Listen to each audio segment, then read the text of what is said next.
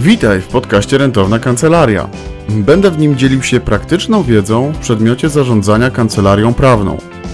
Jest to podcast prowadzony przez prawnika dla prawników. Nazywam się Piotr Chodosz i od kilku lat pomagam kancelariom prawnym być bardziej efektywnym na rynku usług prawnych. Znam z osobistego doświadczenia problemy branży prawnej. Potrafię rozmawiać z różnymi typami prawników na różnym stadium rozwoju ich biznesu. W praktyce znajduję nieoczywiste rozwiązania ich problemów. Szkolę, konsultuję i wdrażam programy do zarządzania kancelarią. Trafiają do mnie małe i średnie kancelarie szukające pomocy w zakresie rentowności. Dobrze znam narzędzia LegalTech i chętnie pomagam przy wyborze i wdrożeniu odpowiednich rozwiązań. Rentowna kancelaria powstała po to, aby chronić Cię przed błędnymi decyzjami.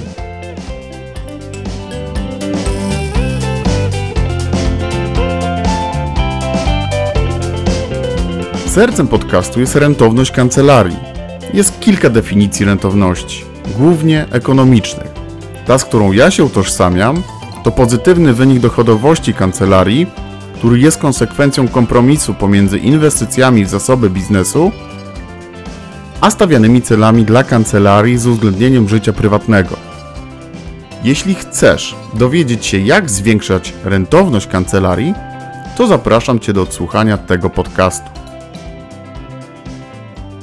Cześć, witam Cię serdecznie w tym materiale, mm, w którym popowiadam o 22 pomysłach na 2022 rok, jeśli chodzi o poprawę rentowności czy poprawę działania w kancelariach prawnych. Jest to materiał dla branży prawnej. Mm, ja się skupiam wyłącznie jakby dla pomo pomocą prawnikom, pomocą kancelariom prawnym w dziedzinach takich jak zarządzanie, marketing czy sprzedaż. Są tu 22 pomysły i powiem szczerze, że to jest bardzo dużo. To znaczy, każdy z tych pomysłów to tak naprawdę można byłoby nagrać kilkugodzinny materiał, który będzie pogłębiał każdy z tych elementów, czy z zarządzania, czy z marketingu, czy sprzedaży. Natomiast mm, konwencja tego materiału jest taka, żeby bardziej zwrócić uwagę na rzeczy, które wybierzesz sobie do tego, żeby w pierwszej kolejności być może poprawić czy skupić swoją baczniejszą uwagę, a, a, nie, a nie pogłębiać jakby daną, dane zagadnienie, daną dziedzinę. Dlatego 20, no mówię, 22 tematy są bardzo duże, to jest bardzo, bardzo duża mm, ilość tych rzeczy. Mm, planuję to nagrać tam do godziny, może godzina 15 to maksymalnie co będzie, E, będzie to też na podcaście, więc będę opowiadał też mm, rzeczy, które widać tutaj na prezentacji. Jeśli oglądasz na YouTubie, to będziesz widział, ale e, ci, którzy będą słuchać podcastu, to też będę mówił, co widzimy na obrazkach, więc to będzie też taka, mm, to będzie też taka konwencja. Dla tych, którzy mnie nie znają, ja jestem prawnikiem, prowadzę właśnie podcast Rentowna Kancelaria. Ostatnie kilka lat, trzy lata mm, ponad spędziłem w branży prawnej w sprzedaży, sprzedając e, programy do zarządzania. I stąd we wrześniu 2021 powstała firma mm, Rentowna Kancelaria, po to, by mm, niezależnie też od e, różnych rozwiązań, które są na rynku, pomagać kancelariom wybierać te czy oprogramowania, czy sposoby działania, czy pomysły na to, jak lepiej działać mm, e, i doradzać wśród, jakby zacząłem od tego, żeby, żeby doradzać wśród programów do zarządzania. Natomiast widzę, że teraz troszeczkę ucieka, jakby poszerzamy, poszerzam, poszerzamy, poszerzam działalność na, na marketing, na sprzedaż, też na szkolenia z LinkedIna, na budowanie marki osobistej no i również też doradzam jakby w legaltechowych e, rozwiązaniach, ponieważ te obszary mm, łączą się w jedną, czy łączą się w rentowność kancelarii. Rentowność rozumianą jako czy poprawę dochodowości, czy e, sposób, e, czy, czy w pewien sposób zmianę mm, pracy prawnika, czy działów prawnych, czy zespołów, czy kancelarii, to e, się jakby wszystko przenika, wchodzi jedno w drugie, mm, jest zależne, no i wszystko się liczy, można też tak powiedzieć. Natomiast wszystko mm, w tych trzech obszarach, tak, w zarządzaniu, sprzedaży i w marketingu, bo w innych obszarach nie mam doświadczeń, więc nie będę tutaj wymądrzał, wypowiadał, tylko chcę się dzielić po prostu tą wiedzą, którą mam, jeśli chodzi o mm, praktykę. No i cóż, takie mamy na dzisiaj tematy. Marketing, sprzedaż i e, zarządzanie to są 22 pomysły. Przejdźmy do rzeczy. Żeby mm, zacząć od początku, jeśli chodzi o marketing, to w mojej ocenie należy sobie zdefiniować grupę docelową, do której mm, chcemy dotrzeć. Tutaj na obrazkach widać dwie postaci. Widać e, Grubsona i Pendisona. Grubson to jest taki człowiek, który siedzi z chipsami przed telewizorem. Pendison jest sportowcem, który mm, przygotowuje się do biegu. Wyobraź sobie jako prawnik, że jesteś sprzedawcą bardzo specjalistycznych, drogich e, butów biegowych dla mm, ultramaratończyków. No i musisz w jakiś stopniu mm, poszukać tej swojej grupy docelowej, czy zastanowić się, kto, do, do kogo możesz trafić ze swoją usługą, do kogo możesz trafić e, ze swoim produktem. Jednym z takich ciekawszych pytań i ćwiczeń, które możesz sobie zrobić, to sobie to się zastanów, komu ty nie możesz sprzedać, komu nie sprzedajesz. No bo jak masz takie buty, no to komu sprzedajesz, no to raczej widzimy tutaj tego Pendicona, któremu możesz to spróbować sprzedać. On może być zainteresowany tym, on może być Twoim idealnym klientem, ale wyklucz sobie tych wszystkich klientów, których jako prawnik czy jako kancelaria nie będziesz w stanie obsłużyć i w ogóle ten Twój produkt będzie niedopasowany i bezsensowny. Co mam na myśli? Że jeśli na przykład sprzedajesz dla przedsiębiorców, mm, no to konsumenci nie mogą być Twoimi klientami. I teraz pytanie, czy Ty podejmujesz jakieś wysiłki, masz skierowane jakieś zasoby, czy działasz jakkolwiek, mm, żeby mm, robić marketing wśród konsumentów? Bo czasami tak się zdarza, że Wy nie wiecie, jakby komu sprzedajecie, E, ale na zasadzie nie wiecie, komu sprzedajecie, mm, no bo nikt z boku nie stanie i się nie zapyta, więc czasami takie pytanie, komu sprzedajesz i komu nie sprzedajesz, to jest y, no pytanie, ja sam zresztą, jak mnie ktoś zapyta, komu sprzedajesz, komu nie sprzedajesz, to wcale nie jest łatwo odpowiedzieć, więc to jest dobre, żeby to przemyśleć sobie. I kto jest Twoim idealnym klientem? Mm, no właśnie, kto jest Twoim klientem? Kim on w firmie czy w przedsiębiorstwie jest, ile on ma lat, co on na co dzień robi, czym się zajmuje, jakie ma problemy, jakie ma wyzwania, co mm, ten, jakby co Twoja usługa, Twój produkt może poprawić w jego życiu, co, jaką korzyść może wnieść. Mm, nad tym się w tym pierwszym pomyśle dobrze zastanów, dobrze sobie to podefiniuj bo to może sprawić, że wyeliminujesz tych właśnie grupsonów, czyli tych, którzy nigdy prawdopodobnie nie sprzedasz, albo prawdopodobieństwo, że im sprzedasz, prawdopodobieństwo, że im sprzedasz będzie bardzo znikome. Więc yy, dobrze sobie to po prostu przemyśl nie? I, i zastanów się, kto jest twoim grupsonem, kto jest twoim pędzisonem, w zależności od tego, co, czym, się, czym się zajmujesz, bo, bo czy da się sprzedać grupy, yy, buty grupsonowi? Czy on będzie zadowolony wtedy, jak mu sprzedasz te buty? Czy jak go ubierzesz w te buty i on będzie siedział przed tym telewizorem w takich specjalistycznych, bardzo drogich butach do ultramaratonu? Mm, jak oni na co dzień spędzają swój czas, tak? To pytałem. Jak oni, mm, jak oni w ogóle Grubson i Pędzisoy będą chcieli zdobywać informacje o tych butach, o Twoich usługach?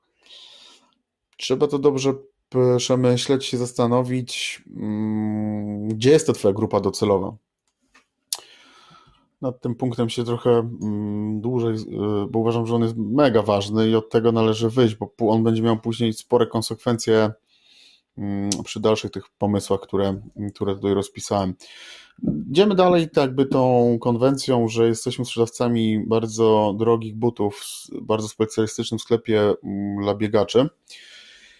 I mm, jak już ustalimy sobie grupy docelowe, bo to może być kilka grup, to nie musi być jedna, ale dla tego naszych butów to będzie na pewno jedna grupa tych spędzisonów, takie nazwa, to powiedz mi, y,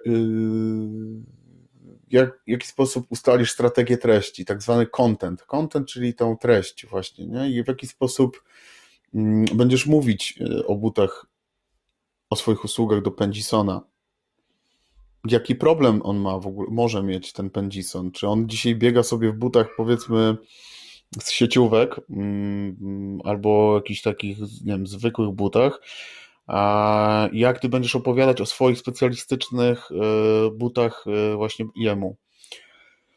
Mm, po co mu te buty tak naprawdę? A jakie właśnie problemy mają i, i, i ten Grubson i Pendison, bo mm, ta strategia treści e, musi jakby odpowiadać grupie docelowej, tak? Jakby strategia treści, content kierowany do Grubsona, no będzie bezsensowny. No wyobraźmy sobie, że teraz mu mówimy, że słuchaj, Grubson, mamy fajne buty, co prawda drogie, no ale one będą, wiesz, dobrze po lesie można w nich nie, biegać, raczej nie po asfalcie. Mm, mają tam mm, wkładkę bardzo taką aero, e, nie wiem jak to powiedzieć, ale jakąś tam taką wkładkę, że słuchaj, że będziesz mógł, nie wiem, 300 km w nich przebiec. Spojrzał się na nas, powiedział, no stary, no ale to może nie tym razem. Może nie w tym życiu, albo może nie teraz. E, dobrze. I teraz mm, zastanów się też nad Pendisonem, czy nad Twoją grupą docelową, jak on się ma wyedukować na temat Twoich butów, a innymi słowy, jak on ma się wyedukować na temat swojego problemu, który odkryje, że przygotowując się do ultramaratonu, będzie potrzebował specjalistycznych butów to jak on ma się, mm, w jaki sposób on się ma, mm, po co mu te buty, jak on ma się wyedukować? Czy jak on przyjdzie do Twojego sklepu i już będzie wyedukowany, to będziesz wiedział, jak mu sprzedać te buty. Personel, swój zespół będzie wiedział, jak mu sprzedać te buty, jak z nim rozmawiać. Zaraz będziemy tutaj też pokazywać, jakie są jakby etapy mm, przejścia od, od tego, że problem w Twojej grupie przemienia się w usługę Twojej kancelarii. Ale to są takie pytania ciekawe, no jak Grupson, czy Grupsona interesuje specyfikacja techniczna obuwia?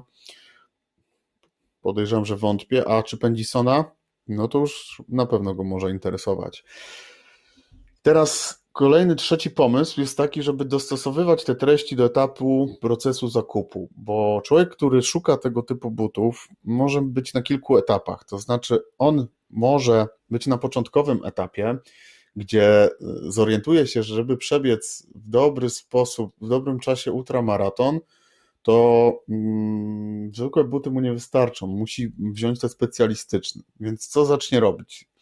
Zacznie się edukować, zacznie szukać informacji, które buty dobrać, będzie dobierał do swojego sposobu trenowania, e, ilości przebieganych kilometrów, będzie mm, wybierał właśnie spośród specjalistycznego obuwia, nie taniego, ale będzie szukał na razie informacji, którego producenta obuwia, rekomendacji, być może jakiś, e, którego producenta obuwia wybrać. Mm, będzie googlował, będzie, spra będzie sprawdzał sobie różne, mówię, opinie, czytał komentarze na temat danych, danych butów być może. I dopiero na czwartym, piątym stopniu tej swojej, że tak powiem, przygody i drogi dojścia do zakupu Twojej usługi, Twojego produktu przyjdzie i powie to powiedzcie mi jakie, mm, jaka to jest cena, jak, jak konkretnie moglibyśmy to zrobić, żebym ja te buty kupił. Teraz jest rzecz taka, żeby się zastanowić, gdzie na każdym z tych stopni jesteś e, ze swoim marketingiem, czyli ze swoją, mm, ze swoją komunikacją do niego, czyli czy ty, jak on zacznie, zacznie w ogóle się zastanówmy, czy tutaj jeszcze nie powinno być stopnia zero, czyli bo tu mamy stopień pierwszy, czyli mamy problem prawny, ale czy to nie powinno być stopnia takiego, że on jeszcze jakby nie widzi problemu, a my już wychodzimy z marketingiem, nie? czyli wychodzimy z komunikacją, czyli my, jakby to mogło wyglądać, że nie wiem, piszemy artykuł na bloga, czy nagrywamy podcast, mm, dlaczego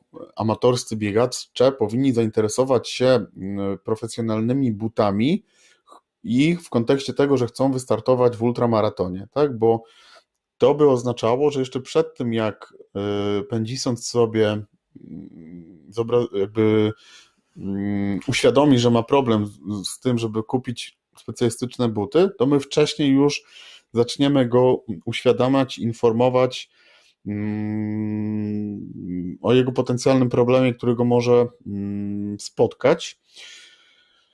I co jest istotne w tym, żeby na każdym z tych etapów starać się kierować tak kanałami marketing, market, narzędziami marketingowymi, czyli no, czy nie wiem, wyszukiwarką Google'a, czy social mediami, czy blogiem, czy podcastem, czy YouTube'em, czy webinarem, czy newsletterem, żeby na każdym z tych etapów e, kierować w odpowiedni mm, sposób komunikację.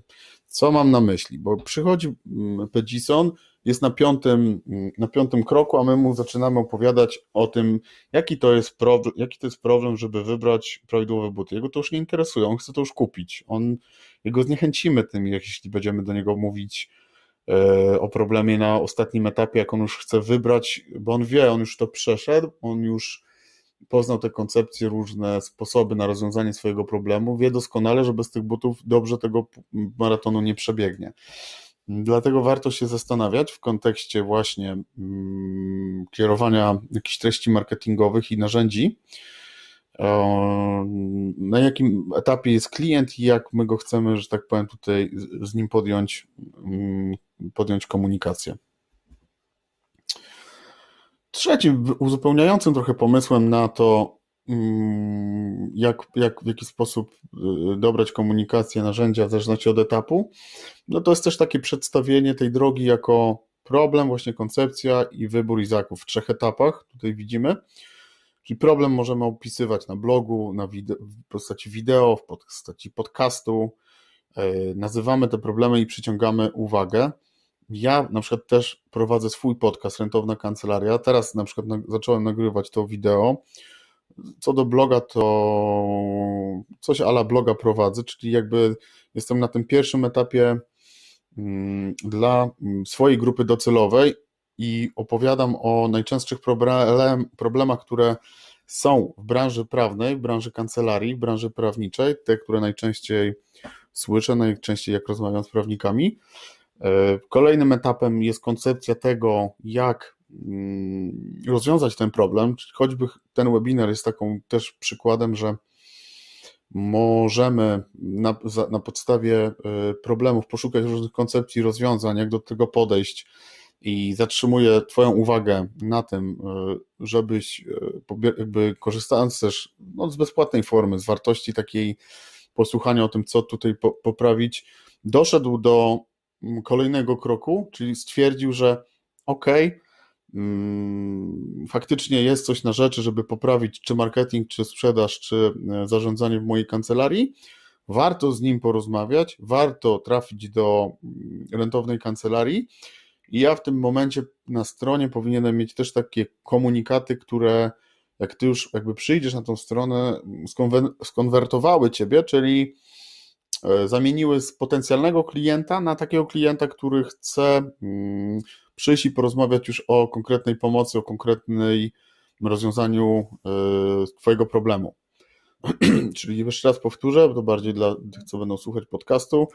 E, grupa docelowa idzie po takiej ścieżce jak problem, koncepcja czy edukacja, wybór i zakup. Trzy takie punkty, możemy to uprościć. W działach marketingu czy w działach sprzedaży mm, mamy do czynienia z tak zwanym lejkiem marketingowym czy lejkiem sprzedaży.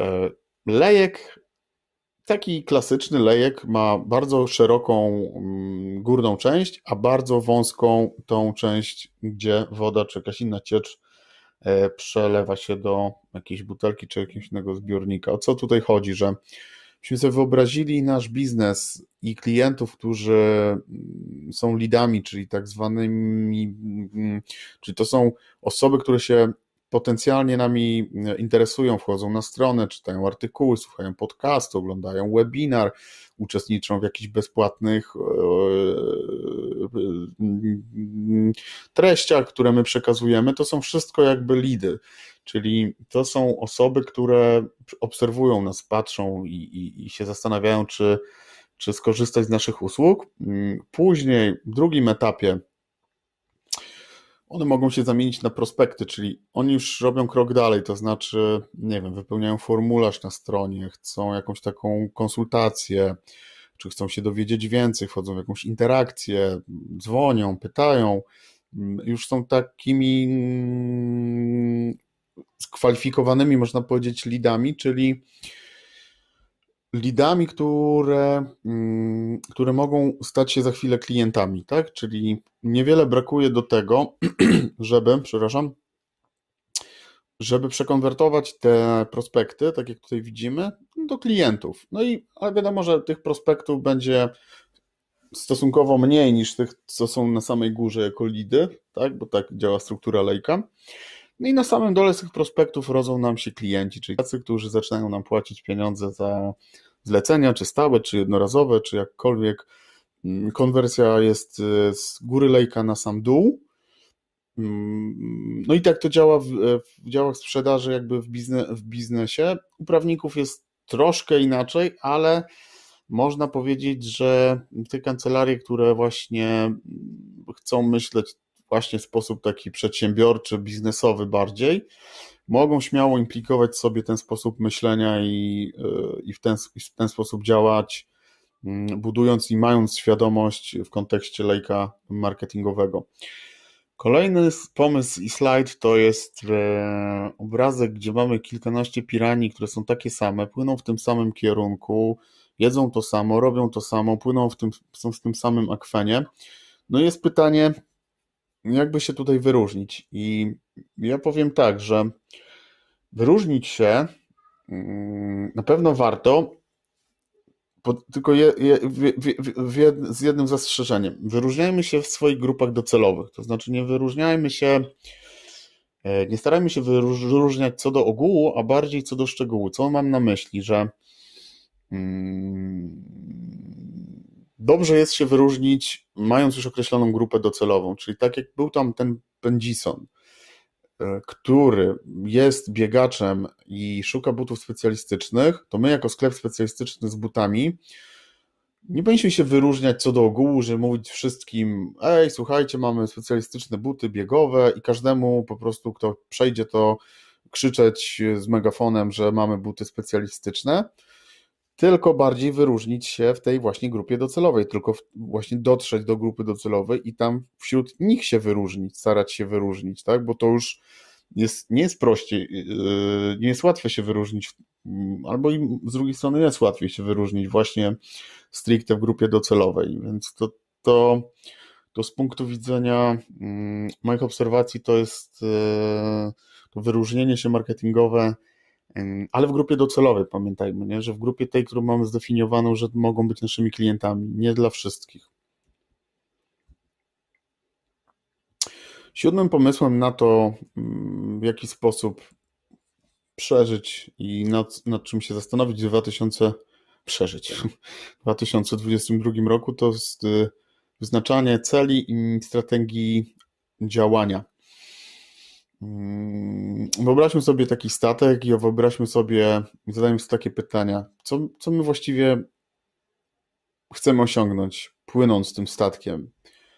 Gdzie my chcemy dopłynąć za 5, za 10 lat, za rok, za dwa może?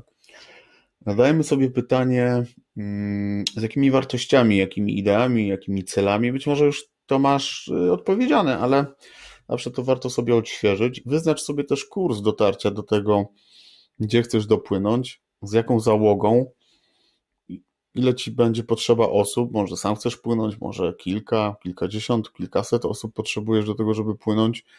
Mm, zastanów się, czy jesteś też przygotowany do tej, do tej podróży, do tego rejsu. Mm, staraj się też to zaplanować. Mm, już takie bardziej przyziemne pytanie, to ile chcesz zarabiać, tutaj się pojawia. To też jest taki element, gdzie już bardziej przy ziemi możemy sobie zastanowić się, jakby co musi się zadziać, żeby tyle to a tyle mm, mieć dochodu e, w kancelarii. Zaraz będę o tym też chwilę mówił. No i też sobie zrób taką refleksję i zastanów się, co się stanie w razie trudności czy przeszkód w tej, e, w tej twojej wędrówce. I na kolejnym elemencie slajdów widzimy, na kolejnym slajdzie widzimy punkt ósmy, czyli szwajcarski zegarek. To jest obraz taki, że wyobraźmy sobie, że nie ma na świecie zegarków, jesteśmy tym konstruktorem, który jest tam po lewej stronie, który ma za zadanie wymyśleć, wymyślić ten zegarek. Eee, Czy on musi założyć, jak on ma działać, jak on ma funkcjonować, jak mają się te wskazówki przesuwać, z jaką prędkością, jakie elementy muszą być zawarte w tym zegarku, żeby on działał w odpowiednim czasie. Mm. I teraz zobaczmy sobie, że tych elementów tu w środku są setki, o ile nie tysiące. To jest bardzo skomplikowana konstrukcja, żeby dojść do, do tego elementu, czyli do, do utworzenia zegarka. Teraz ty dzisiaj jesteś w punkcie A, twoja kancelaria jest w punkcie A, a stworzenie takiego zegarka to jest punkt B, to jest przyszłość twojej kancelarii. I musisz sobie zrobić taką wycieczkę intelektualną i się zastanowić, jakie konieczne działania należałoby podjąć, żeby taki zegarek powstał. Czyli tak zamyśliliśmy mm, to, żeby on powstał. Musimy, nie wiem, poszukać jakichś konstruktorów, dobrać elementy, kupić te elementy. To musi ze sobą współgrać, chodzić. E, to trzeba, nie wiem, nasmarować tam w środku, żeby to się nie zacinało i tak dalej. I takie elementy sobie wypisać, zaplanować i później egzekwować. I fajną taką metodą, hmm, chyba psychologiczną bym powiedział, jest to, żeby wyobrazić siebie w tym punkcie B, czyli za jakieś tam 2-3 lata, 5 lat, wyobraź sam siebie, że już jesteś, dzisiaj nie wiem, jesteś pięcioosobowej kancelarii, a za 5 lat chcesz mieć 50 osób. To wyobraź sam siebie, że jesteś yy, właśnie, że jesteś w tej 50-osobowej kancelarii, nią dowodzisz, przed, jakby pomagając w danych dziedzinach i zachowuj się już dzisiaj tak, jakbyś tam był. I dodatkowo wypisz sobie to wszystko, co się musi zadziać, żebyś ty się tam znalazł. I to rób. I wtedy jest duża szansa, że ty tam będziesz po prostu, tak? Jak chcemy upiec ciasto, no to musimy, to widzimy, jak to ciasto, nie? Będzie już wyglądało, już się tam czujemy w ustach. I wiemy, że musimy kupić mąkę, jajka, ktoś to musi, mąkę, jajka, sól, yy, mleko, ktoś to musi zrobić, być może ktoś nam musi pomóc, musimy mieć jakiś przepis, więc yy, jakby patrząc wstecz od tego, jak to mm, ciasto powstanie, są jest kilkanaście, czy kilka akurat w temacie ciasta, czy w temacie produkcji tego zegarka kroków, które bezwzględnie musisz zrobić, żeby to ciasto powstało, bo jeśli pominiesz jakiś krok, no to się nie uda, albo wyjdzie jakiś zakalec, albo nie wiem, albo się przepali to ciasto. Mm, mam nadzieję, że czujecie, co, o co mi chodzi, tak, żeby, żeby w ten sposób też e, sobie myśleć, jako, niezbę, jako mm, żeby działać tak w kancelarii, wykonując niezbędne rzeczy, które są potrzebne do tego, żeby osiągnąć mm, swój cel z, przesz- y, pfu, z przyszłości. Z przyszłości. Punkt dziewiąty.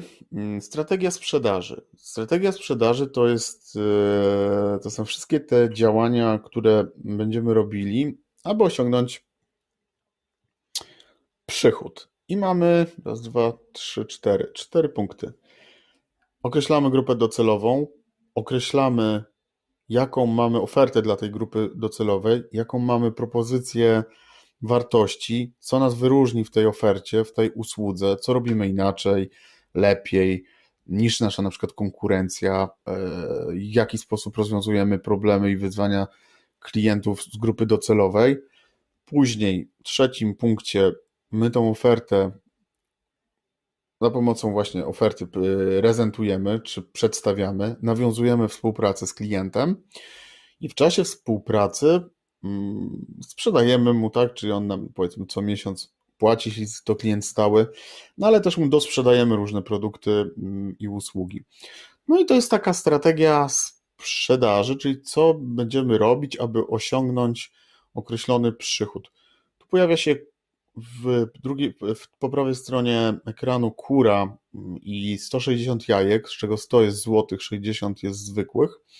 I o tym za chwilę będziemy rozmawiać, co oznacza ta kura z tymi jajkami. W pomyśle dziesiątym proponuję zrobić sobie Business Model Canvas. Business Model Canvas to jest taki sposób na określenie swojego modelu biznesowego. To jest fizycznie jedna kartka papieru A4, którą można sobie wydrukować, położyć przed oczyma i wypełnić. I teraz jak ją wypełnić? Mm, wypisujemy sobie segmenty klientów. Kto jest naszym klientem? Dla kogo budujemy ten produkt czy tę usługę? Komu oferujemy wartość i kto będzie nam płacił? Czyli mamy wypisany segment klientów, to są nie wiem, przedsiębiorcy, firmy, software house'y, działy prawne, nie wiem, konsumenci, ludzi, którzy się rozwodzą. Wszystkie te segmenty, mm, z którymi docieramy z naszą propozycją wartości, czyli z naszą ofertą. I propozycja wartości musi odpowiadać na pytania, co ich boli, tych klientów, co ma dla nich kluczowe znaczenie, jakie ich problemy, ja czytam teraz, jakie ich problemy rozwiązujemy, jakie produkty i usługi będziemy oferować. I to sobie tutaj yy, wypisujemy. Powiem tak, że dobrze jest to sobie wypisywać z kimś z zewnątrz kancelarii. Mm, nie chcę tutaj jakby, jakby manipulować i mówić, żeby żebyście Państwo tu przyszli do rentownej kancelarii i sobie skorzystali z usług, bo nie w tym rzecz, ale sam po sobie widzę, że jak ktoś mi z boku spojrzy na biznes mój, ale to jest jednoosobowa działalność póki co, to jest naprawdę zdecydowanie lepiej niż yy, samemu się zastanawiać, jaką ja mam ofertę, jakie mam yy, usługi, bo to czasami nie wychodzi, yy, szczerze powiem. I takie świeże spojrzenie po prostu osób, które są z innej, mm, z innej dziedziny życia, fajna sprawa. I czyli tak, tu sobie ustalamy te propozycje wartości, te segmenty klientów. Zastanawiamy się, gdzie bywają nasi ci klienci, gdzie chcemy spotkać tych klientów, z jakich kanałów będziemy korzystać, kanałów, czyli mm, form komunikacji, czy social media, czy Google, wyszukiwarka, czy blogi, czy konferencje, czy jakieś uczelniane tematy, czy gazety, czy radio, no te wszystkie kanały, które, czy podcasty powodują, że możemy dotrzeć do tych klientów, bo być może na przykład do tego Pendisona bardzo ciekawą formą dotarcia byłby mm, podcast. Dlaczego? Dlatego, że on masę czasu spędza gdzieś na treningach, gdzieś tam w lesie biegając, e, więc to jest idealny też moment, żeby wyrzucić mu na ucho nasze treści o tych butach, o tych usługach. Tak, ja mówię dla przykładu, więc tą, tą pracę domową trzeba odrobić. I jakich relacji oczekują, czyli w tym, w tym miejscu, hmm, czy oczekują osobistego wsparcia, czy sposób nawiązywania relacji z klientami jest zintegrowany z pozostałymi obszarami modelu biznesowego? Ok, czyli tu sobie określamy, hmm, jakich relacji oczekują od nas klienci. Wypisujemy sobie, jakie mamy zasoby, jak, jacy ludzie, jakie know-how, y, jakie możliwości, nie wiem, czy mamy biura, biura w różnych miastach, czym dysponujemy, te wszystkie zasoby w postaci ludzi, w postaci narzędzi, w postaci know-how, które pomogą nam e, za pomocą właśnie usług i relacji dotrzeć do tej naszych, e, naszej grupy mm, docelowej. No i myślimy sobie, jakie działania trzeba podejmować, aby dostarczyć naszym klientom propozycje mm, wartości mm, i jakie jakie egzekucje właściwie należy wykonywać w zakresie działań w celem dotarcia do klienta i nawiązania z nim relacji. Tu sobie jeszcze fajnie wypisać i warto wypisać wszystkich tych, którzy mogą nam w tym e, pomóc. Kto jest naszym kluczowym partnerem? Być może jakaś, nie wiem, inna kancelaria, która e, pomoże nam dotrzeć do, do innej grupy, której ona nie obsługuje. Może jacyś wspólni, e, jakby no, osoby z branży, z jednej strony może jakieś portale branżowe, może OIRPy, KIRPy, wydawnictwa, też przecież tam piszecie różne artykuły mm, i tak dalej, więc szukamy tych partnerów, bo partnerzy mogą być taką dla nas mm, jakby dźwignią do tego, żeby w fajny sposób wyskalować nasze treści, nasz content, mm, więc to jest to jest też do jakby e, do rozpisania sobie. No, kluczowe zasoby to mówiłem, partnerzy i teraz tak, to wszystko mamy rozpisane.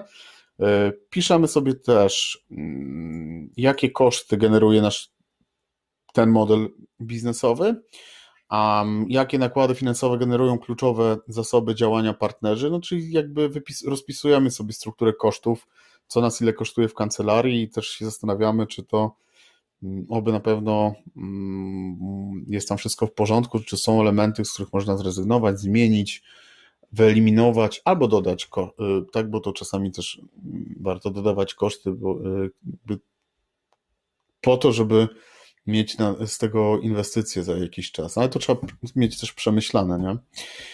No i co? Struktura przychodów, za co będą nam płacić albo za co nam płacą klienci.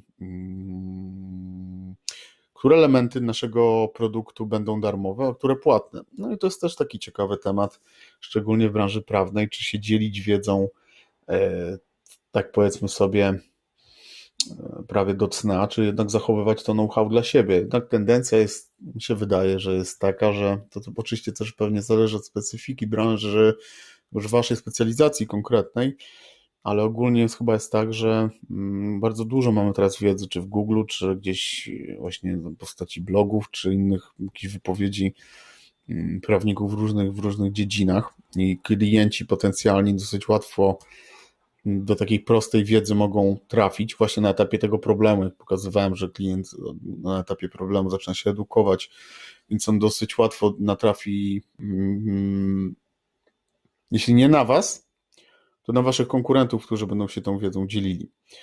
Ja oczywiście nie namawiam, nie zachęcam, nie mówię, żeby się tutaj, nie wiem, od razu z tego know-how mm, wystrzeliwać, ale jest coś na rzeczy w tym, że, mm, że ci, co się dzielą wiedzą, będą, będą mm, lepiej postrzegani przez rynek. Tak, taką hipotezę bym postawił.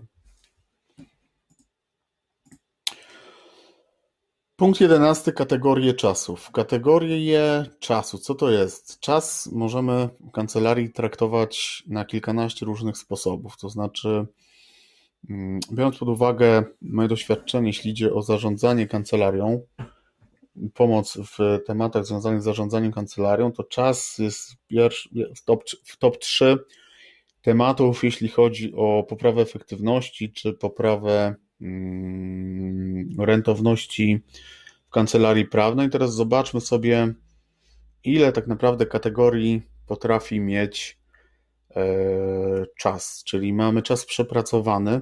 To jest taki, który przepracowaliśmy w totalu w kancelarii. No, czyli jak mamy klasycznie etat, nie wiem, 180 godzin, no to to jest ten czas przepracowany całościowo przez, prze, prze, pracowałem 180 godzin w kancelarii. Czas na czynności niemerytoryczne, no to to już jest czas taki, który, który kancelaria nie sprzeda, bo to są czynności, za które co zasady klient średnio chce płacić, różne prace jakieś administracyjne, mm, tego też bywa sporo. Mm, czas na czynności merytoryczne, e, z tego czasu w części możemy godziny sprzedawać, mówię godziny, ale to możemy też określić sobie jako jakiś tam, no to głównie w czasie się jednak określa mm, właśnie te merytoryczne kwestie.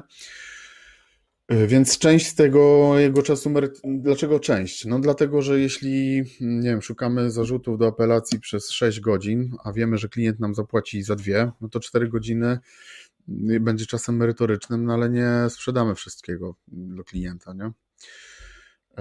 Czas poświęcony na własny rozwój, to jakby nawet słuchanie te, tego, mm, tego materiału, czy tego, mm, tego mojego, tej mojej opowieści o tym, to może być czas na własny rozwój, jako nauka szkolenia. Też KIR, POIR robi masę szkoleń różnych waszych specjalistycznych, więc to jest ten, te, ta kategoria czasu. Czas zarejestrowany, czyli taki, który zanotowaliśmy, zapisaliśmy, mm, że pracowaliśmy na rzecz klienta. No i czas sprzedany, to jest taki, który został yy, przeniesiony na fakt, jakby umieszczony na fakturze, tak? On nie zawsze jest równy temu zapisanemu, no bo jest z reguły mniejszy, a różnica między czasem przepracowanym a sprzedanym, no to też można powiedzieć, że to jest taki czas do, do, do utylizacji, bo jakby no nie, nie, nie mamy z tego mm, przychodu, więc można powiedzieć, że to, że to idzie w utylizację. E, mamy taką kategorię jak czas przepracowany w ryczałcie, mm, a nie jest, nie jest policzony czas mm, poświęcany na własny rozwój, jakby na naukę, na szkolenie, mm, czas poświęcony na rozwój kancelarii, poświęcony na marketing, czas na sprawy pro bono, no i czas w kategoria ostatnia, 13, czas zapłacony, czyli czas na fakturze, za który otrzymaliśmy przelew. Czyli zobaczcie Państwo, ile tak naprawdę kategorii czasu można mieć w kancelarii prawnej. Teraz, jak już wiemy, że ma, jak już wiemy, że takie kategorie występują, mm, kolejnym moim takim spostrzeżeniem i pomysłem się zastanowić nad tym, co się dzieje w kancelarii, to jest to zasada Pareto, bo że 20% pracy może nam przynieść aż 80% rezultatów. Niewielka część naszych zadań czy pracy generuje aż 80% zysków i korzyści. No i to jest taki model, to jest taka mm, teza, myśl, hipoteza, którą, która się nie zawsze sprawdza, a czasem się sprawdza. Natomiast możemy sobie spróbować wyznaczyć takie czynności, które faktycznie generują nam 80% rezultatów czy mm, przychodu i nad którymi warto pracować. Możemy sobie w tych kategoriach popatrzeć, które zadania są powtarzalne, obserwować je, analizować, mm, czy one muszą jakby mm, w ten sposób dalej wyglądać i jakby zastanawiać się nad tym, czy, czy dalej w ten sposób e, kontynuować mm, pracę w swojej kancelarii. E, teraz widzimy trzynasty pomysł, czyli Widzimy kurę, która zniosła 160 jajek. Mm, kura jest y, analogią do czasu pracy prawnika mm, i dla, dla przykładu, jeśli w kancelarii przepracowałeś 160 godzin i sprzedałeś 100 godzin, co stanowi około 60% całości Twojego czasu, to te 60 jakby godzin y, jest niesprzedanych i ono idzie i ono idzie w piach. Te złote jajka, te 100 złotych jajek, mogą mieć różne wartości. I tutaj w tym pomyśle numer 14 pokazuje, że mm, jest prawnik, który zarejestrował i sprzedał 100 godzin w miesiącu po stawce 20, 220 zł. Czyli to oznacza, że przychodu wygenerował 22 tysiące, tak? No bo 100 razy 220, no to do 222 zera mamy 22 tysiące złotych netto przychodu. No i teraz e, chcemy się zastanowić yy, właściwie ile, yy, jaka jest jego stawka efektywna. Stawka efektywna, czyli mm, bierzemy sobie całościowy przychód, versus wszystkie godziny, które nam przepracował w kancelarii, czyli 137,50 taki, e, taka, taki jest jego wynik. Czyli co ja te chcę, chcę tu powiedzieć, że jeśli uważasz, że twoja stawka jest 220 zł netto za godzinę, no to dobrze się zastanów, czy to tak jest, bo jak sobie to policzysz, to po prostu może ci wyjść, że nie, nie 220, tylko jednak 137,50 E, zapisywanie mm, godzin e, i jakby dbałość o ten temat, im większa struktura, tym poważniejsze ma konsekwencje, chociaż ja uważam, że też i dla jednoosobowych działalności ma to, ma to potężne znaczenie, więc, więc warto to robić. A z mojego doświadczenia wynika, że najczęściej takie średnie, większe, ale też i małe jednoosobowe kancelarie najczęściej gubią ten czas, nie rejestrując krótkich, takich 15-30 minutowych czy godzinnych czasami rozmów z klientem w ciągu dnia, czy na przykład nie dopisując kosztów do spraw, czy odpisują, nie wiem, pół godziny na maila, już są czasami takie maile, gdzie się bardzo długo odpisuje i tego też to się nie znajduje w żadnych timesheetach. Timesheetie, czyli załączniku do faktury, który zestawia mm, wszystkie czynności, które wykonałeś na rzecz klienta, Mm, to też podpowiem, bo nie każdy być może wie. No i tutaj jest taki slajdzik, że grosz do grosza i będzie kokosza, bo mm, właśnie te małe, małe, małe wartości, ktoś mi tu podpowiedział, że biedny liczy złotówki, a bogaty liczy grosze. Może coś w tym faktycznie jest, bo ja się na przykład spotykam też z tym, że takie bardzo mega duże kancelarie, jedne z większych w Polsce, potrafią mieć wartość stawki godzinowej wyrażoną do dwóch miejscach po przecinku, nie? czyli na przykład mają nie, 279 i 42 grosze. taką stawkę godzinową dla klientów, nie? Nawet tak. Potężna, nie wiem, tam z kilka, powyżej 100 osób na pewno kancelaria. Czary mary i zmieniłem okulary. Widzimy na zdjęciu bąbla, niemowlaka, który jak poda mu się palec y, do dłoni, to będzie miał odruch y, tak zwany chwytny, czyli mm, gdy dłoń dziecka zostaje podrażniona jakimś przedmiotem, w tym przypadku palcem, no to dochodzi do automatycznego zaciśnięcia na nim palców y, niemowlaka. To jest odruch bezwarunkowy i to jest taka reakcja małego, bardzo malutkiego człowieka na, na bodźce zewnętrzne, czyli mm, bezwarunkowo zawsze on będzie chwytał e, ten palec. Z wiekiem mu to jakby zaniknie i już tego nie będzie robił, mm, ale jest to jakby mm, rzecz, z którą się przychodzi na świat i nie trzeba się jej uczyć. Tak samo jak przy uderzeniu młoteczkiem pod kolano e, wiemy, co się zadzieje. Tak samo jak wiemy, co się zadzieje, jak e, pokaże nam ktoś nie cytrynę, to też bezwarunkowo pojawia się ślina gdzieś tam w, buzi u człowieka. E, więc to są takie odruchy bezwarunkowe. Teraz, co to ma wspólnego z rejestracją czasu pracy?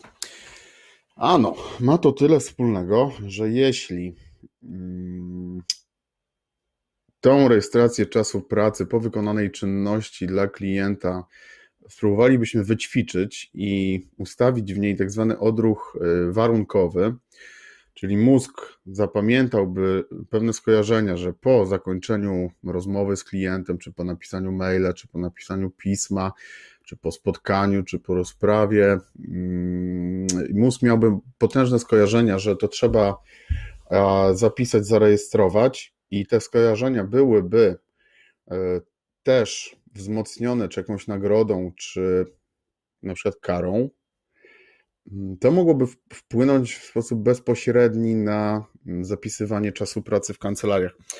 To jest rzecz, którą ja niedawno odkryłem mm, i nikt o tym nie mówi. Ja się nie spotkałem przynajmniej, nie wiem, być może ktoś z Państwa się spotkał, ale ja się z tym nie spotkałem dopiero, nie wiem, 2-3 tygodnie temu ktoś mi to podpowiedział, na LinkedInie zresztą.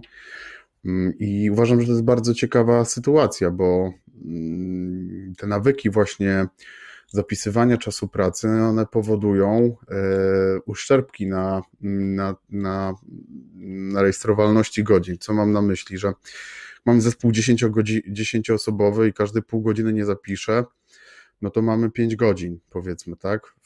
E, pół godziny straci w ciągu dnia, to mamy 5 godzin, 5 razy nawet licząc stawkę 200, to mamy 1000 zł dziennie, tak? Razy tam 20 parę dni, mamy 20 parę tysięcy. Więc pochylenie się nad tym, żeby mm, w sposób precyzyjny i maksymalnie jakby tutaj, przesunę tylko ten wskaźniczek, e, maksyma, maksyma, maksymalnie precyzyjny i dokładny mm, zapisywać z wykorzystaniem choćby tego czegoś takiego jak odruch warunkowy, którego możemy ćwiczyć. Wiem, że jest literatura, która jak sobie wpiszemy w internet odruch warunkowy, to są w ogóle opracowania, które pomagają.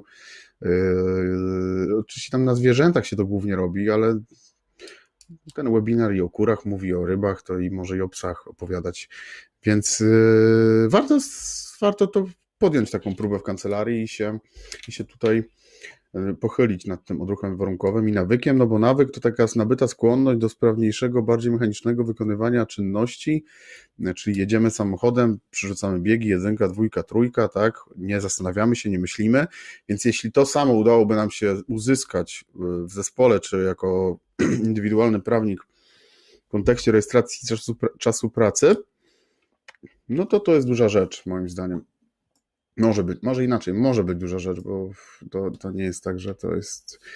Ja tutaj nie mam monopolu na wiedzę. W każdym razie tak, są takie dwie tajemnice, że rejestracji czasu pracy nie, nie trzeba tego lubić, po prostu trzeba to robić. I też takie ciekawe, zasłyszane gdzieś zdanie, że jedynym powodem nierobienia jest nierobienie po prostu. Hmm. Pomysł 7, y, 18 to jest zarządzaj sprawami. Kiedy masz mało spraw i powiedzmy sobie na spokojnie wszystko ci w kancelarii funkcjonuje, mm, no to taki program do zarządzania, czy trzymania dokumentów, czy zapisywania czasu pracy, czy jakby automatyzacji pewnego rodzaju procesów w kancelarii, no jest rzeczą fajną, może być, ale może niekonieczną. Problem pojawia się wtedy, kiedy masz tyle samo, kiedy, te, kiedy liczba tych spraw zaczyna mm, w sposób czasami gwałtowny przyrastać, wtedy się zaczynają problemy, bo nagle okazuje się, że jest za mało pracowników, nie ma komu obrobić jakby tej pracy. Tak? Kalendarze są pełne, nie mamy terminów na spotkania, na jakieś różne inne rzeczy. Po prostu jestem przysłowiowy zapierdol. Cytuję z internetu. Mamy nieporządek w dokumentach, bo nie mamy o, o, mm, obsłużonego obiegu dokumentów, nie mamy opracowanego tworzenia dokumentów. Yy, nie zarządzamy dokumentami, w ogóle nie robimy, nie mamy zadań, bo wszystko jest na mailach, czyli nie mamy tutaj delegowania tych zadań. Czasu pracy nie analizujemy. Timesheety są dla nas, dla osób, które wystawiają faktury, zawsze wielką, kilkugodzinną przygodą. Yy, nie mamy działań marketingowych, nie porządkujemy, nie rejestrujemy czasu. Więc tu chcę pokazać, że w sercem systemu, w kancelarii Mm, może być sprawa i bardzo często jest sprawa. W Polsce bardzo często też klient jest sercem systemu, ale jakby się tak dobrze zastanowić, to nie jest klient sercem waszego systemu, waszej kancelarii, tylko jednak sprawa, bo nawet jeśli on przychodzi do bieżącej obsługi, to ta bieżąca obsługa może być traktowana jako sprawa, jako projekt, do którego będziemy wykorzystywać zasoby typu pracownicy, kalendarze, dokumenty, zadania, czas pracy, klient i tak dalej. Więc tutaj mm, mnie bardziej przekonuje myślenie jakby o sprawie jako sercu systemu, a wszystko co w koło jest jakby tyczy się tej sprawy. I w tym pomyśle, y, i w tym pomyśle można się jakby odnosić do sprawy, można się odnosić do, y, można przeglądać sobie te elementy, które są w koło tej sprawy i tam szukać Mm, polepszenia swojego rozwoju, czy polepszenia działań w zakresie mm, funkcjonowania kancelarii. Dziewiętnasty pomysł to jest zrób analizę rentowności. Cztery elementy wymieniam, jeśli idzie o analizę rentowności, takie główne, czyli analiza kury, chciałem powiedzieć, prawnika, Czyli patrzymy, ile prawnik nam sprzedaje, po jakiej stawce, ile utylizujemy, jaka jest e, stawka efektywna danych osób, na jakich projektach pracują, jak mu pomóc, jak sprawić, żeby więcej być może sprzedawał, w droższe miał te jajka do sprzedaży i tak dalej. Rentowność klienta, to patrzymy sobie wszystkie sprawy, które są klienta i badamy jego rentowność. W ekstremalnych przypadkach zdarza się, że mm, po policzeniu jakby kosztu czasu obsługi klienta stawka godzinowa wychodzi poniżej kilkunastu złotych, nawet kilka złotych czasami, jak, jak, za, jak średniej wielkości kancelaria zaczyna liczyć, mm, ile czasu poświęca na rzecz danego klienta, a wcześniej tego nie robiła, to jej wychodzą bardzo ciekawe wartości, za ile to robi za godzinę. To nie zawsze musi być rentowne.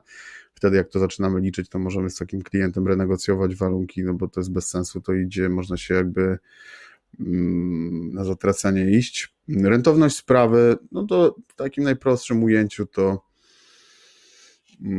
sprawdzamy sobie w jaki sposób, e, ile godzin zostało na sprawie mm, zapisanych, zarejestrowanych, kto, tą, kto te godziny rejestrował, zapisywał, jaka jest e, przychodowość danej sprawy, jaka jest rentowność, jakie mamy, też możemy patrzeć z perspektywy kosztu obsłużenia danej sprawy, kosztu Y, prawnika, no to też można policzyć. No i na końcu możemy też sobie analizować rentowność usług czy produktów, bo jeśli mamy na przykład nie wiem, trzy usługi główne, czy jakieś RODO, nie wiem, jakieś sprawy gospodarcze czy i karne i wychodzi nam, że nie wiem, RODO to mamy, nie wiem, 70%, a tamtych po 15%, no to też jest ważna informacja dla nas, mm, czy dywersyfikować na przykład dalej, czy bardziej skupić się na tym, co nam najlepiej jakby wychodzi w kontekście przychodu, to jakichś gotowych chyba odpowiedzi nie ma, ale no na pewno warto to sobie mm, analizować i wiedzieć,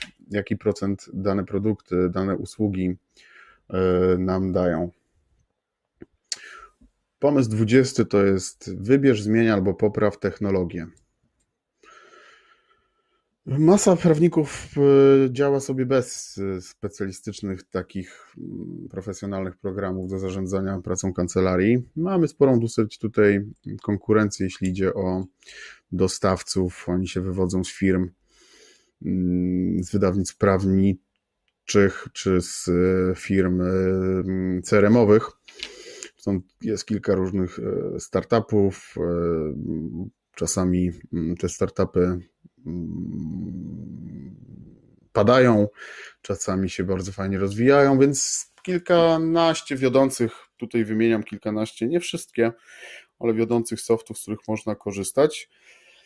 No i co? W istocie, to, w istocie to są trzy tak naprawdę możliwości, żeby sobie wybrać taki program. To znaczy tak, po pierwsze patrzę sobie, co dzieje mi się w kancelarii, jakie mam procesy, mapuję te procesy, sprawdzam i wybieram pod tym kątem program, który będzie jakby um, odpowiadał na moje oczekiwania tego, co mi się dzieje w kancelarii.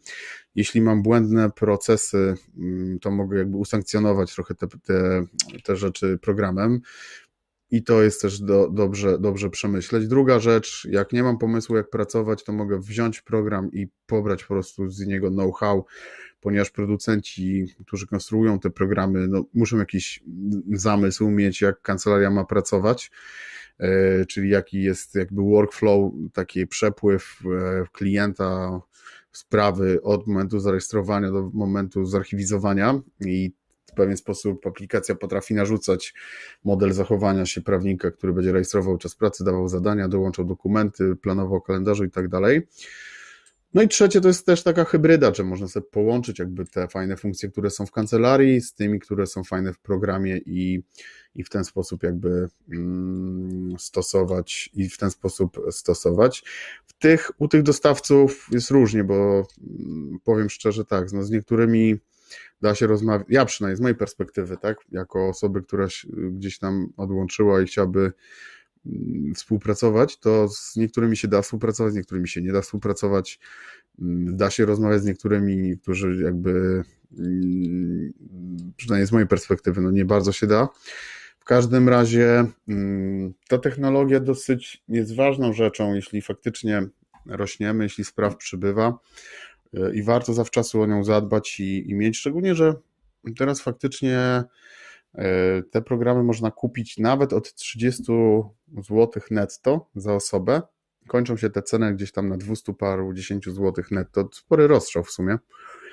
Mm, ale dostępność taka powiedziałbym e, spora jest, no, w sensie jakby, nie wiem, no program za 50 zł netto, czyli to jest 600 zł rok dla osoby, no to 600 zł, jakbyśmy tam spojrzeli wstecz o, o rzeczach, których opowiadałem, to tak naprawdę w ciągu tygodnia można mm, wyłuszczyć ze 2-3 godziny mm, więcej z tych nawyków, czy w ogóle ze samej świadomości tego, że na przykład nie zapisuję rozmów z klientem i zacznę je zapisywać i przerzucać do timesheetu, co choćby nas, na, na, tylko na tej podstawie jestem w stanie zarobić sobie na ten program mm, w tydzień, to może przez, no ale w tydzień no tak naprawdę.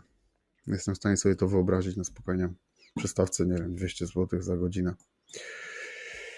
I tu dalej jeszcze mówię o tym, żeby wykorzystywać technologię, którą masz, bo w tych programach, które pokazywałem, albo też w innych, mam coś takiego jak szablony dokumentów. Chodzi o to, żeby nie wymyślać na nowo koła co chwila i już korzystać z możliwości, jakie daje Tobie technologia. Jak masz dużo na przykład podobnych dokumentów, to bez sensu jest je jakby co chwilę na nowo tworzyć, tylko e, spróbować oprogramować je właśnie w programie albo w jakimś innym zewnętrznym, różne są te legal techowe rozwiązania, po to, żeby skrócić przygotowanie takiego pisma, tak? Jeśli wyjdzie ci, że przygotowujesz takie pismo średnio, nie wiem, półtorej godziny za pomocą szablonu, jesteś w stanie zejść z tych półtorej godziny, nie wiem, do pół godziny, e, to, to zobacz, już masz jakby tą e, zysk na czasie, który masz do przygotowania mm, dokumentu. No i właśnie technologia będzie służyła temu, żeby mm, wyszukiwać takie obszary i zastępować te niemerytoryczne czynności nią właśnie.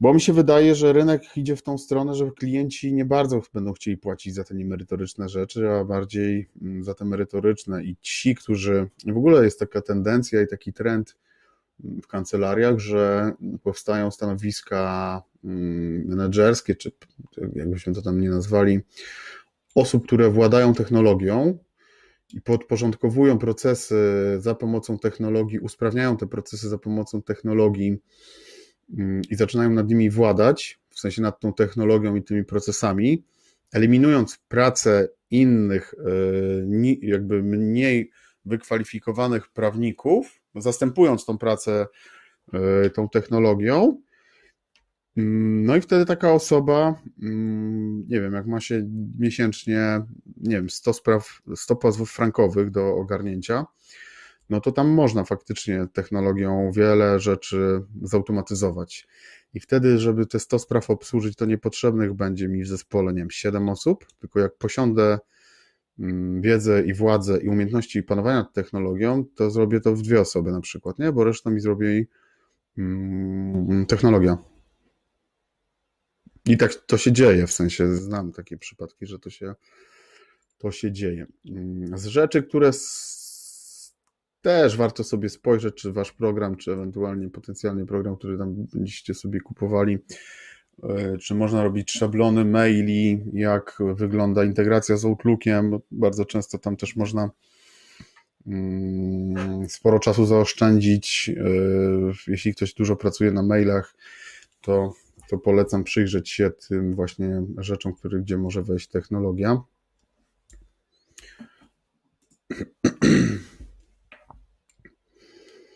No i marka osobista, 22 pomysł mój na to, żeby wzmocnić sobie to, ten obszar. Po prawej stronie widzimy, jak wyglądamy w prawdziwym życiu, a jak wyglądamy na LinkedInie. Mm, to jest świat też czasami taki Mm, z jednej strony nadęty mm, i sztywny, ale z drugiej strony dający masę możliwości. Y, my tutaj z Tomkiem Wojtysiem szkolimy z LinkedIna i ja tylko na, w kontekście tego materiału mogę powiedzieć, że dla mnie przynajmniej, na pewno poznanie tego, w jaki sposób pracuje algorytm, jak na przykład jak stosować hasztagi, Yy, jak na przykład szukać i, i budować sobie grupę docelową, szukając zasięgu, bo bardzo często prawnicy szukają zasięgów, ale przyciśnięci do muru i zapytania, po co ci te zasięgi, to się nagle okazuje, że może nie do końca są potrzebne zasięgi, ale zasięgi w danych grupach są bardziej istotne niż ogólnie zasięgi, nie? Bo można mieć bardzo duży zasięg na wpisie o majonezie kieleckim, no ale jest pytanie, po co i co z tego, co ci to daje? To nic nie daje, ale jak masz duże zasięgi w twojej grupie docelowej, jeśli obsługujesz na przykład, nie wiem, yy, dyrektorów e-commerce'u i masz zbudowaną sieć dyrektorów e-commerce'u i masz dla nich usługę prawną w stałej współpracy w zakresie obsługi e-commerce'owej, prawnej, no to to już ma wtedy sens. A, i jeszcze ważną rzecz podpowiem, ostatnią, tutaj w kontekście mm, marki osobistej, głównie na LinkedInie, bo ja tutaj głównie działam też trochę na Facebooku plus Instagram, ale tych e, Facebooka nie tak nie do końca czuję, Instagrama też, bardziej tego LinkedIna. Mm, to, co bym polecił, to mm, jak macie swój biznes i piszecie artykuły, czy na bloga, czy na stronach, to zamieszczajcie je sobie jako artykuł na LinkedInie i teraz tak, artykuły na LinkedInie mają bardzo kiepskie zasięgi i tam będzie mało kto wam to klikał, moim zdaniem. Ale mm, te artykuły pozycjonują się w Google'ach, czyli o, o, co chodzi, że jak ja na przykład piszę o upadłości jako prawnik i napiszę porządny artykuł mm, o upadłości i zamieszczę to właśnie na LinkedInie, to ten artykuł o upadłości będzie się pozycjonował w Google, czyli ktoś wpisuje, weźmie y, no, komórkę, czy tam na swoim komputerze wpisze sobie upadłość Warszawa. I jeśli mój artykuł jest dobry, że napisany też w kontekście SEO, czyli SEO to jest jakby pozycjonowanie w Twojej stronie internetowej mm, w wyszukiwarce Google'a, To tylko powiem, że przy, takie słowo SEO, a hasło SEO, a tam mamy około 200 czy 300 czynników, które wpływają na pozycjonowanie Twojej strony czy Twojego artykułu w wyszukiwarce. No ogólnie chodzi o to, żeby Cię, żebyś był jak najwyżej w wyniku, wyniku wyszukiwania na frazy, które wpisują, które, które wpisuje Twoja grupa docelowa. To jest też ciekawe. To jest też ciekawe bardzo, bo mm, Tobie się może wydawać, że, e, że jak na przykład, nie wiem, zajmujesz się tymi upadłościami, tak się, że tak powiem, czepnę tego, to klienci będą wpisywać upadłość konsumencka, czy, mm, czy jakieś takie specjalistyczne e, jakby wyrażenia dotyczące prawnicze, te, mm, te hasła związane z upadłością. Yy, a klient może zupełnie inaczej to zupełnie inaczej to widzieć, nie? Klient może, nie wiem, pisać, nie wiem, jak się pozbyć, nie wiem, komornika, czy, czy coś w, ten, w tym stylu, jakby jest inna, w zależności od branży jest inna, zastanówcie się naprawdę, jak, jak wasi klienci, niezależnie czy to są przedsiębiorcy, czy mm, konsumenci, szukają mm, was po frazach. I teraz tak, mm, Prawnicy nie bardzo mają czas na to, żeby się zajmować takimi rzeczami, e, e, czyli ogarniać sobie SEO w kancelarii, tylko to zlecają. Ale to podpytajcie swoje agencje czy osoby, które się wam tym marketingiem zajmują, jak one to robią. To znaczy, co wpis, dlaczego jakby mm, być może macie kiepskie efekty marketing, być może macie kiepskie efekty marketingowe, bo być może na tym to polega, że frazy, na których jest wypozycjonowana strona, są po prostu Mm, nie wysz... no, mogą być na przykład niewyszukiwane przez klientów, nie? Czyli komuś się wydaje, że upadłość, no chociaż upadłość to jest kiepski przykład, niech ja chwilę pomyślę. Mm. No ale dobrze, no weźmy tą upadłość. No, y, upadłość konsumencka może mieć na przykład bardzo nikłą, chodzi o przykład, bardzo nikłą liczbę wyświetleń w wyszukiwarce, czyli pies z kulawą nogą tego nie szuka i choćby tam pisać jakieś artykuły nie wiadomo jakie, to strona będzie kiepsko wam mm, jakby odpowiadać i generować biznes, bo, bo ludzie się tym nie interesują. Znaczy ludzie inaczej e, tego szukają na przykład, nie? Pod innymi hasłami. No. I to tyle, słuchajcie. Mm, I to tyle. Przeszliśmy sobie przez, e, przeszliśmy sobie przez e, elementy związane z zarządzaniem, z marketingiem i sprzedażą. To jest 22 pomysły.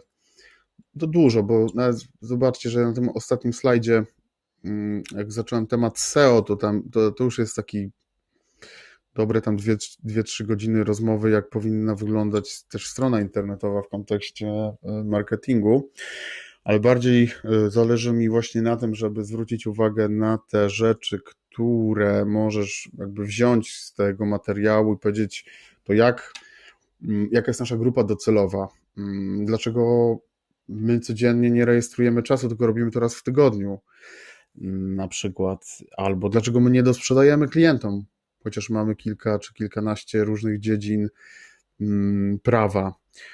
Y, jakie są nasze stawki efektywne?